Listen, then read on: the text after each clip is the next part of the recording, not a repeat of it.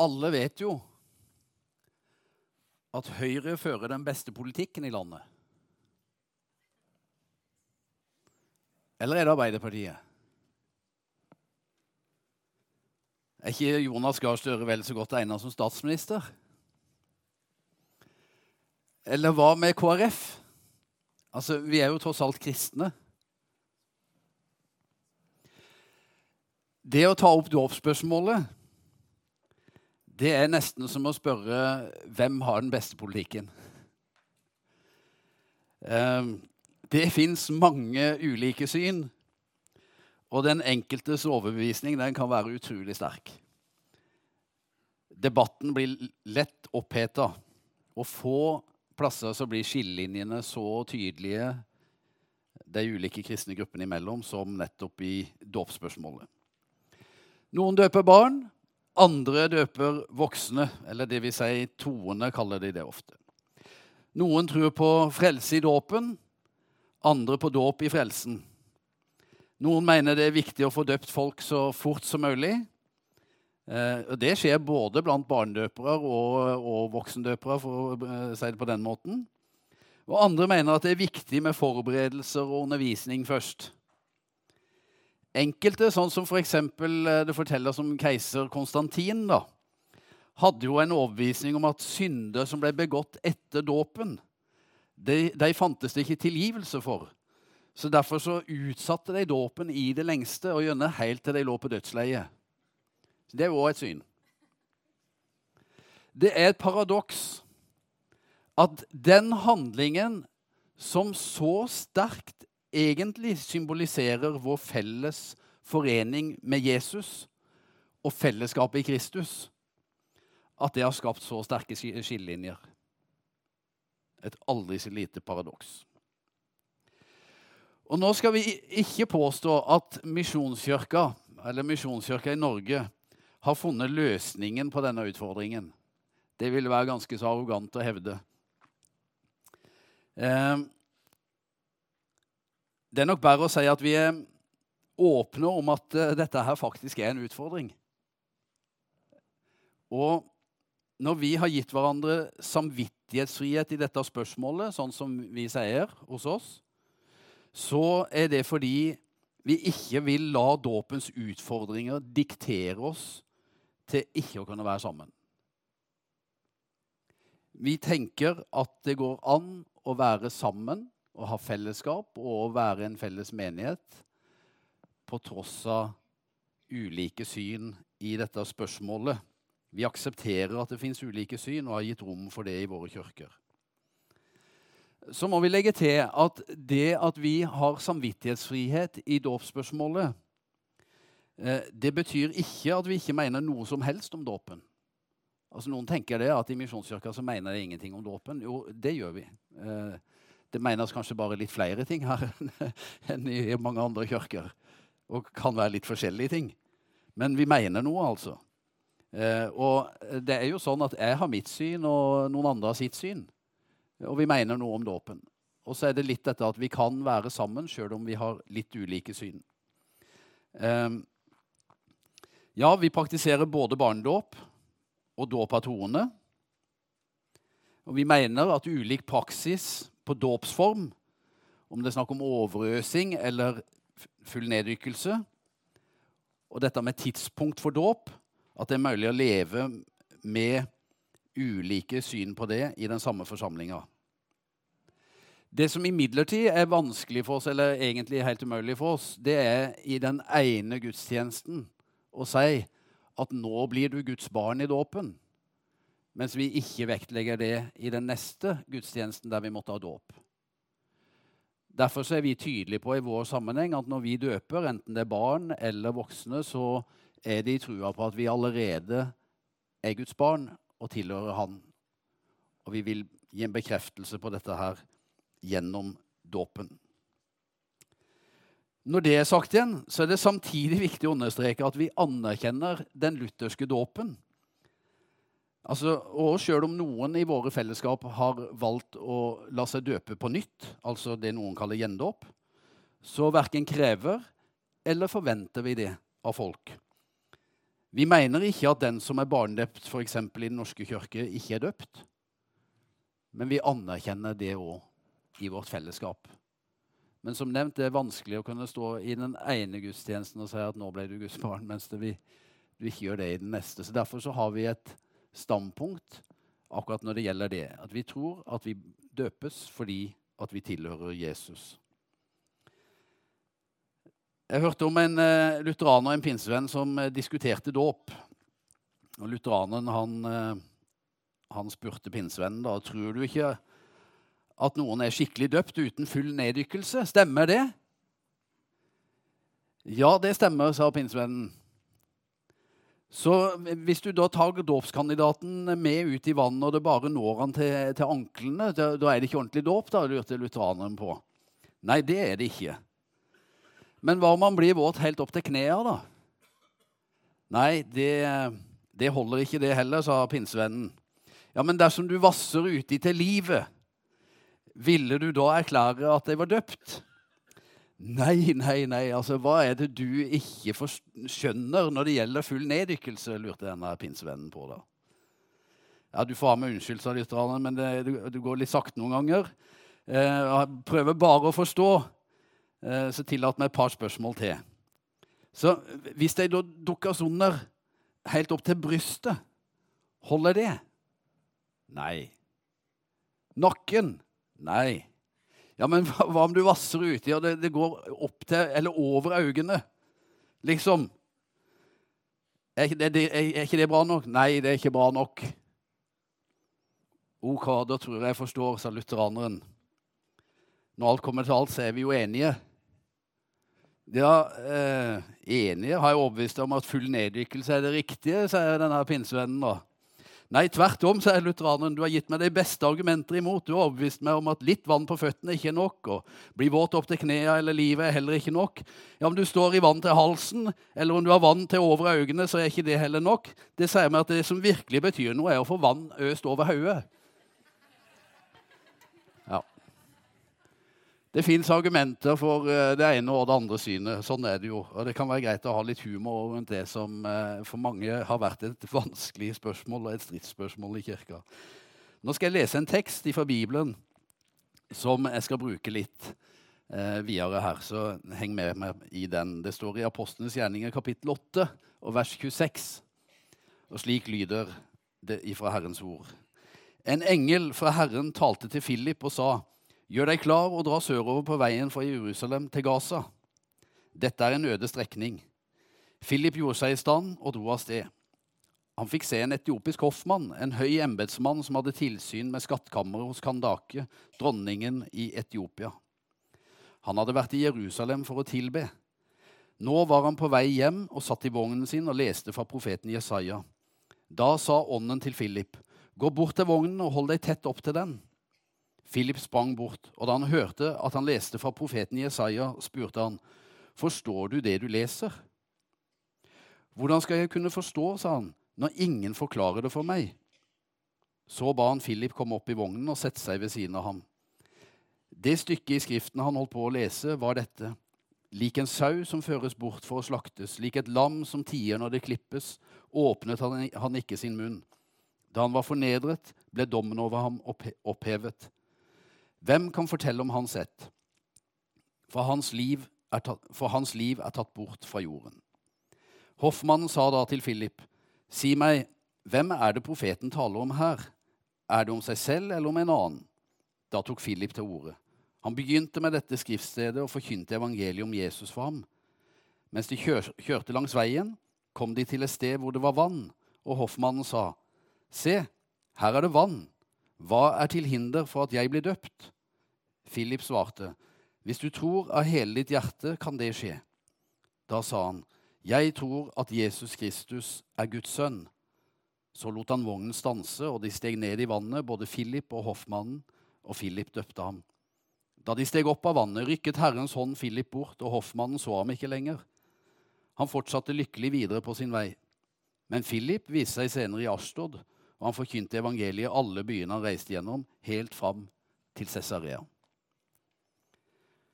Philip han var en av de sju som vi leser om i Apostlenes gjerninger kapittel 6, som ble utvalgt i Jerusalem-menigheten til å ta hånd om matutdelinga til alle enkene blant annet, som var i menigheten. Og Så skjønner vi at uh, veldig fort så vokser han i tjenesten, som flere av de andre. Og uh, han er stadig involvert i uh, nye kall det misjonsframstøt. For pga. forfølgelsen som oppsto mot de kristne i Jerusalem, så forsvant mange fra byen, og Philip deriblant han dro til det området som het Samaria. Eh, og Han oppholdt seg der ei tid. Og Der vitna han òg om Jesus, og det ble vekkelse i byen, og mange folk kom til tro, og det ble liksom et, et stort arbeid der. Og så plutselig så taler Herrens engel til han at han skal forlate det fantastiske arbeidet han står i, og bevege seg ut i ødemarka.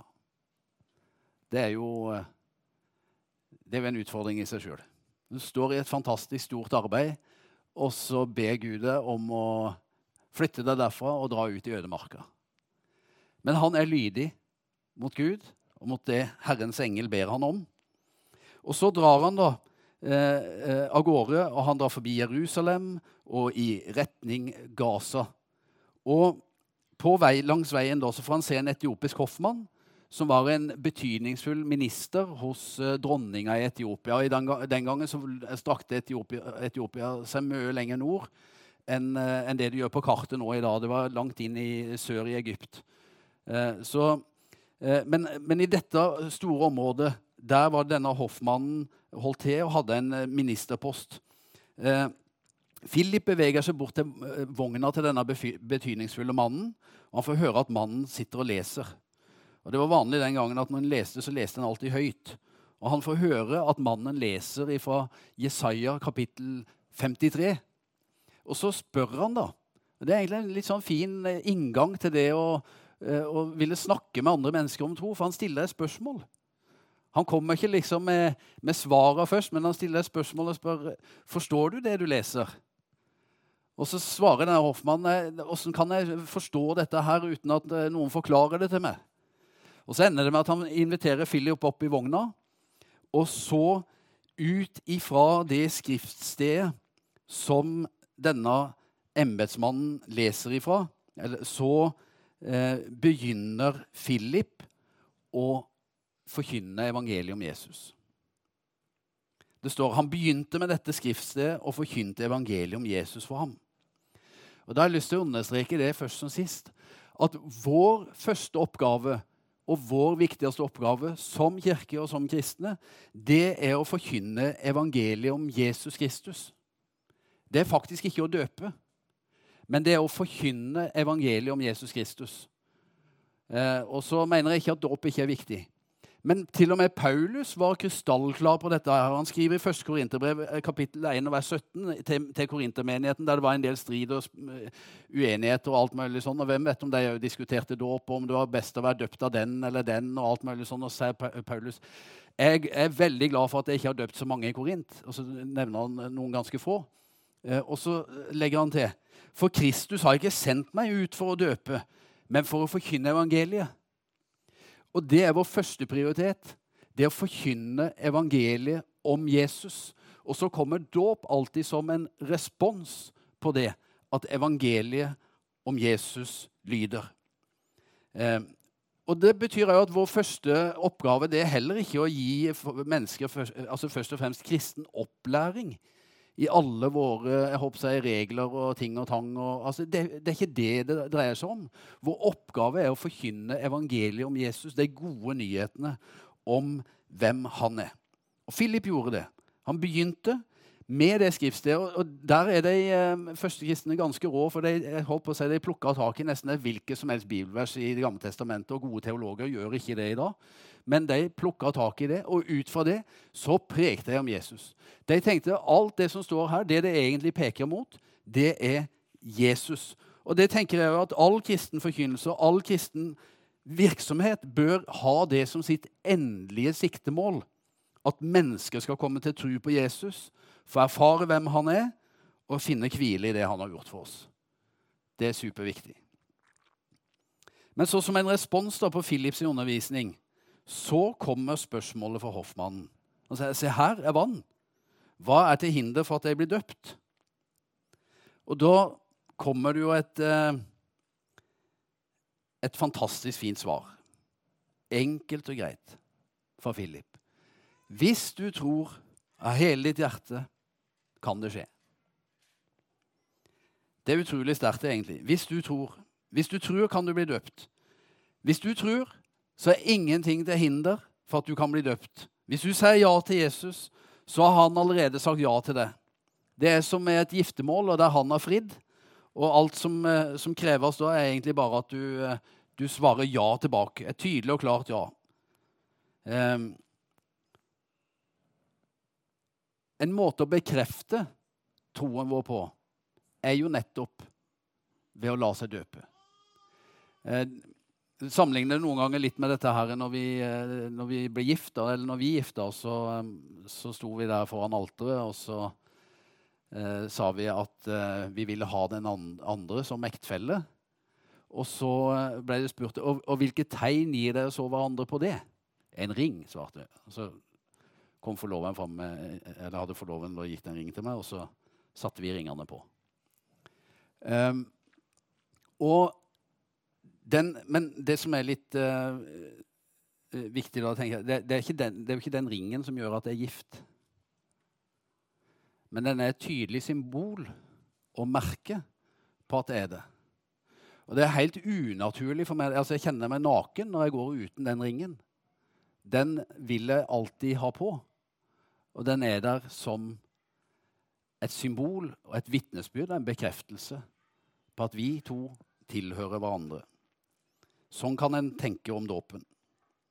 Eh, det er ikke alltid jeg er enig med katolikkene, men når den katolske teologen Hans Kyng sier at dåpen kommer av troen, og troen fører til dåp, så følger jeg han.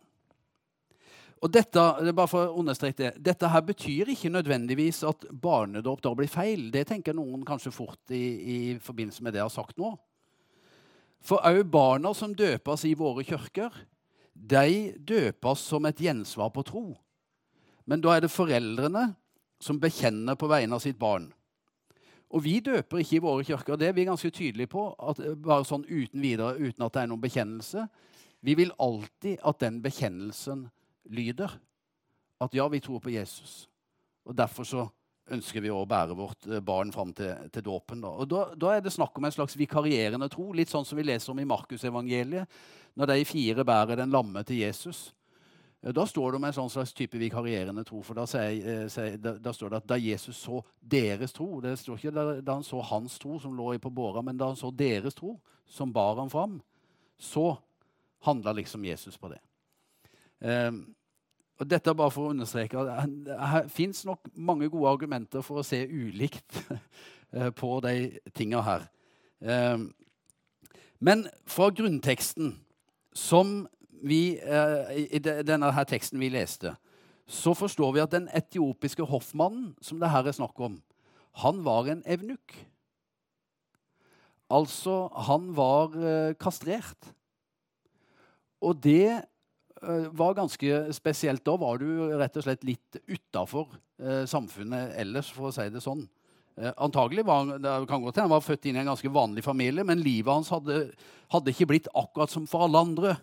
Han var annerledes. Kanskje sleit han òg med å kjenne seg akseptert som den han var.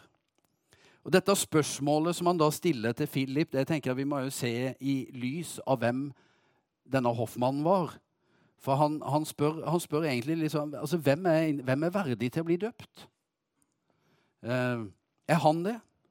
Han som er mørk, kommer fra Afrika, er en evnukk. Og Det er jo her Philips svar igjen er så utrolig frigjørende. Ja, hvis du tror. Hvis du tror, så er det for alle. Det var ikke en hel masse sånn at du må være sånn eller sånn eller sånn, eller hvis du tror, pluss, pluss, pluss, sånn og sånn. Hvis du tror pluss det, så kan du. Nei, hvis du tror, så kan du bli døpt. Troen er for alle, evangeliet er for alle. Og det er den trua som gjør dåpen gyldig. Ikke noe annet. Ikke noe med en spesiell oppførsel eller at du er en spesiell type. eller noen ting sånt. Nei, det er trua som, som kvalifiserer dåpen. I Galaterbrevet står det for dere er alle Guds barn ved troen i Kristus Jesus. Alle dere som er døpt til Kristus, har kledd dere i Kristus. Og så kommer det her er ikke jøde eller greker, her er ikke slave eller fri, her er ikke mann og kvinne. Dere er alle én i Kristus Jesus. Dåpen er fantastisk inkluderende. Den viser tydelig åssen Kristus tar imot oss, akkurat sånn som vi er. Og rent fysisk er den jo et fantastisk bilde på det. Åssen vi, vi oss ned i det vannet. Eh, og, eh, og, på en måte bli tatt imot av det og omslutta av det. Og Det er det som skjer når vi kommer til Jesus. Han tar imot oss med alt det vi er. Han omslutter hele livet vårt. Jeg husker for mange år tilbake da jeg var misjonær i Colombia. Jeg døpte ei dame i eh, menigheten i Suacha sør i Bogotá. Og Det var bak ei sånn iskald sisterne i patioen. Dette var jo høyt oppe i fjella. Og Det var alltid fryktelig kaldt vann, og alle grudde seg til å bli døpt. Du var jo helt blå på beina når du kom opp av, av det bassenget. Så, men det spesielle med den dama her var at hun var stum.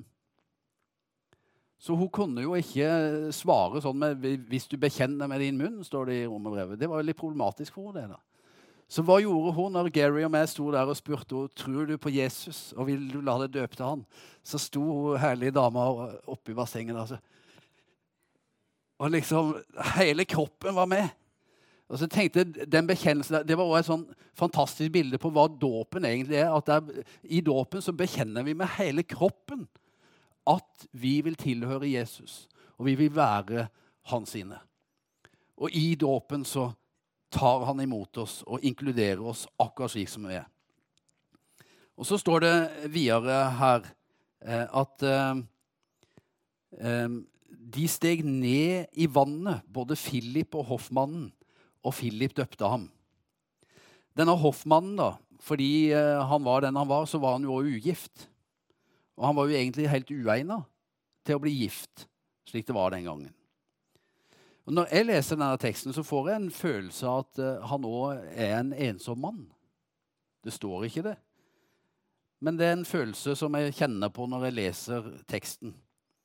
Og Sjøl om det kanskje var mange mennesker rundt han, så uh, tenker jeg han kan ha kjent veldig mye på ensomhet og annerledesheten og spørsmålet om hva som eventuelt var til hinder for at han kunne bli døpt, det kan òg oppfattes som et spørsmål om jeg ønska inn i dette fellesskapet, dette gudstjenestefellesskapet.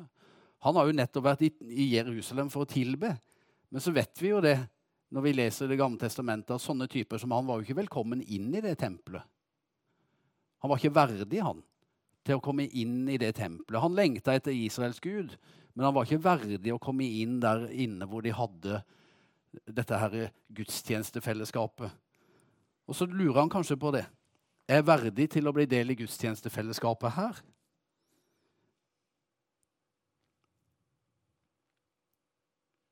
Så lot han vognen stanse, og de steg ned i vannet, både Philip og hoffmannen.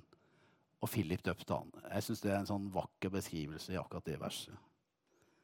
Så gikk det ut av vogna, begge to nesten hånd i hånd, holdt jeg på å si, ned i vannet. Og jeg tenker Det er en sånn fantastisk illustrasjon på hvordan det første kristne fellesskapet var enormt inkluderende. Tok imot alle typer mennesker. Og jeg tenker Noe av det sterkeste budskapet i dåpen er dette her, at du, du, er aldri alene. Det er ingen som døpes i ensomhet og til ensomhet. Du døpes alltid i et fellesskap. Det er alltid andre til stede, og du døpes til et fellesskap for å være del av fellesskapet. Dåp er aldri kun en individuell handling som bare omhandler Kristus og personen som blir døpt. Et menneske døper ikke seg sjøl, men blir døpt i nærværet av et fellesskap og til et fellesskap. Det skriver den samme katolske teologen Hans Geng. Dåpen er en tydelig bekjennelse av at vi vil høre Kristus til, og at vi vil være del av hans legeme, menigheten. Og så har jeg lyst til å si det at Hvis du er blitt døpt som barn en gang, så har jeg lyst til å utfordre på akkurat den biten der. Eh, og komme til et punkt Det kan være du har vært der allerede, men at, at vi tydelig gir en bekjennelse og en bekreftelse, på at Jesus, ja, jeg vil tilhøre deg, jeg vil være din. Og ja, jeg vil òg være del av det fellesskapet som er ditt, som kalles Kristi legeme. Det tror jeg vi alle som kaller oss kristne, trenger å tenke igjennom. Og Så står det da mot slutten da de steg opp av vannet, rykket Herrens ånd Philip bort.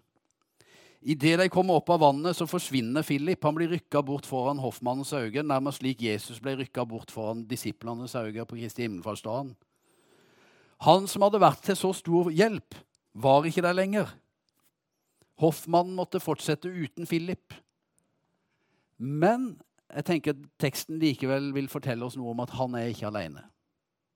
Akkurat som disiplene heller ikke ble overlatt til seg sjøl, så er det Ånden som tar over. For det er et sånt sterkt åndsnærvær i hele denne teksten. her. Det er jo Ånden som driver Philip ut, og det er Ånden som tar han med videre igjen. Det kristne livet et liv, et nytt liv, under ledelse av Den hellige ånd. Vi styrer ikke lenger sjøl, men vi har underlagt oss Kristi herredømme og Åndens herredømme. Det er Han som nå leder oss. Og det gjør han som han vil. Og det er noe interessant i den teksten her, fordi det kan virke som at dette her med evangeliespredningen det har kommet helt ut av kontroll. Det går helt av hengslene, liksom. For i starten så, Jesus hadde jo utpekt noen apostler, og de var i Jerusalem og sånn, og, og jo liksom, skulle jo styre denne her menigheten. Men så blir det forfølgelse, og folk blir spredt rundt forbi. Og Philip drar til Samaria. Der blir det vekkelse. Og Da får de nå etter hvert sendt bud på Peter og Johannes, da, så de kan komme ned og liksom bekrefte at dette her er greit, og legge hendene på folk. og, og litt sånn. Men så går det videre i kapittel 8, der, og plutselig så er Philip på egen hånd igjen, og det skjer nye ting. Og alt mulig sånn. Og så er det bare så tydelig at de har jo fullstendig mista kontrollen. Det her Apostlene klarer jo ikke å kontrollere dette her lenger. Det er en annen som har kontrollen, det er en annen som har styringa. Det er Den hellige ånd. Det er derfor mange mener at det burde ikke hete apostlenes gjerninger, den boka, men Den hellige ånds gjerninger. For det er han som styrer, og det er han som leder. Og jeg tenker at I den teksten så ligger det en aldri så liten sånn der eh, advarsel til noen av oss. Vi som befinner oss i velorganiserte kirkesamfunn og har våre prosedyrer og protokoller og alt sånn i orden, at det ligger en advarsel til oss som er både utdanna og ordinert til å forkynne evangeliet at Gud han venter ikke nødvendigvis på oss. Han går fram suverent akkurat slik som han vil. Og han brukte Philip akkurat på den måten som han ønska. Han var jo opprinnelig satt til en annen oppgave, men plutselig så begynte det å skje ting og tang rundt han, og folk ble frelst. Og alt mulig sånn. Og sånn kan av og til skje i menigheten òg. Plutselig så oppdager pastoren at men der er det jo en som og Der blir folk frelst. og Nå har jeg stått eh, søndag etter søndag og prekt, og vi gjør alle det her riktige tinga, men det skjer ikke så veldig mye. Og så er det en, en utpå der, så skjer det plutselig en hel masse. Også. Men sånn er livet i menigheten, tenker jeg. Og det er Gud som har kontrollen. Det er Ånden som leder, og det er Ånden som inspirerer. Han bruker den han vil. Og akkurat som vi kan spørre om hvem er verdig til å bli døpt, så går det òg an å stille spørsmålet og hvem er verdig til å døpe. Og her tror jeg på det allmenne prestedømmet. Jeg tror i utgangspunktet at enhver kristen som sjøl er døpt, òg kan døpe. Jeg tror ikke dette, at dette å formidle evangeliet og det kristne, eh, og det kristne livet videre til, til, nye mennesker, at det er forbeholdt noen få, en liten eksklusiv gruppe. Jeg tror alle kan være delaktige i det. Betyr det at jeg da vil at alle skal fly rundt og skvette og øh, vann på folk? og liksom øh, sånn rundt? Nei, for det er ikke privatpraksis. Vi, holder, vi er ikke privatpraktiserende. Vi er del av et fellesskap. Så noe orden og sånn, det kan òg være, være, greit. Men, men, jeg tror på at i utgangspunktet så er jeg håper å si, enhver gitt alle rettigheter. Det er ikke noe som er forbeholdt noen få. Gud har kontrollen. Og jeg tror at i dåpen så gir vi nettopp Gud kontrollen. Philip døpte denne etiopiske hoffmannen. Sendte han av gårde videre. Han hadde jo ingen kontroll på hva som skjedde nedover der i Afrika. Det var det ingen av de andre apostlene som hadde heller. Men Den hellige ånd hadde det. Han hadde kontrollen. Og Noen ganger så tror jeg vi må øve oss opp i våre sammenhenger til å i noe større grad tørre å slippe løs. Og Hver gang vi døper, så tenker jeg det er et nytt, et nytt sånn vitnesbyrd om det at nå slipper vi løs. Nå døper vi det til Kristus, og nå er det han som har kontrollen. Nå er det han som har ledelsen. Vær så god, løp med han. Ja. Amen. Det ble en eh, lang preken, men uh, vi kan få tåle det. Vi preker ikke så ofte om dåpen. Kjære Jesus, takk for ditt ord. Takk for din nåde. Takk for åssen du tar imot oss, og du inkluderer oss alle, og du ønsker å ha oss alle som dine. Takk at det ikke kreves noe mer enn at vi tror. At vi gir oss sjøl til det. Og takk, Jesus, for at du eh, Du kan også bruke den enkelte av oss, og du, og du utfordrer oss. Eh, og du kaller på oss i det daglige til å følge det. Og så har ditt kall også kanskje lytt til noen av oss når vi har sittet her i formiddag. Og Da ber jeg Jesus at eh, vi alle kan få lov å være lydige, akkurat som eh, ungdommene var det i går, og Hoffmann var det den gangen sammen med Philip. At vi, vi handler på det som du kaller oss til. Og vi velger å bekjenne, og vi velger å følge. I Jesu navn. Amen.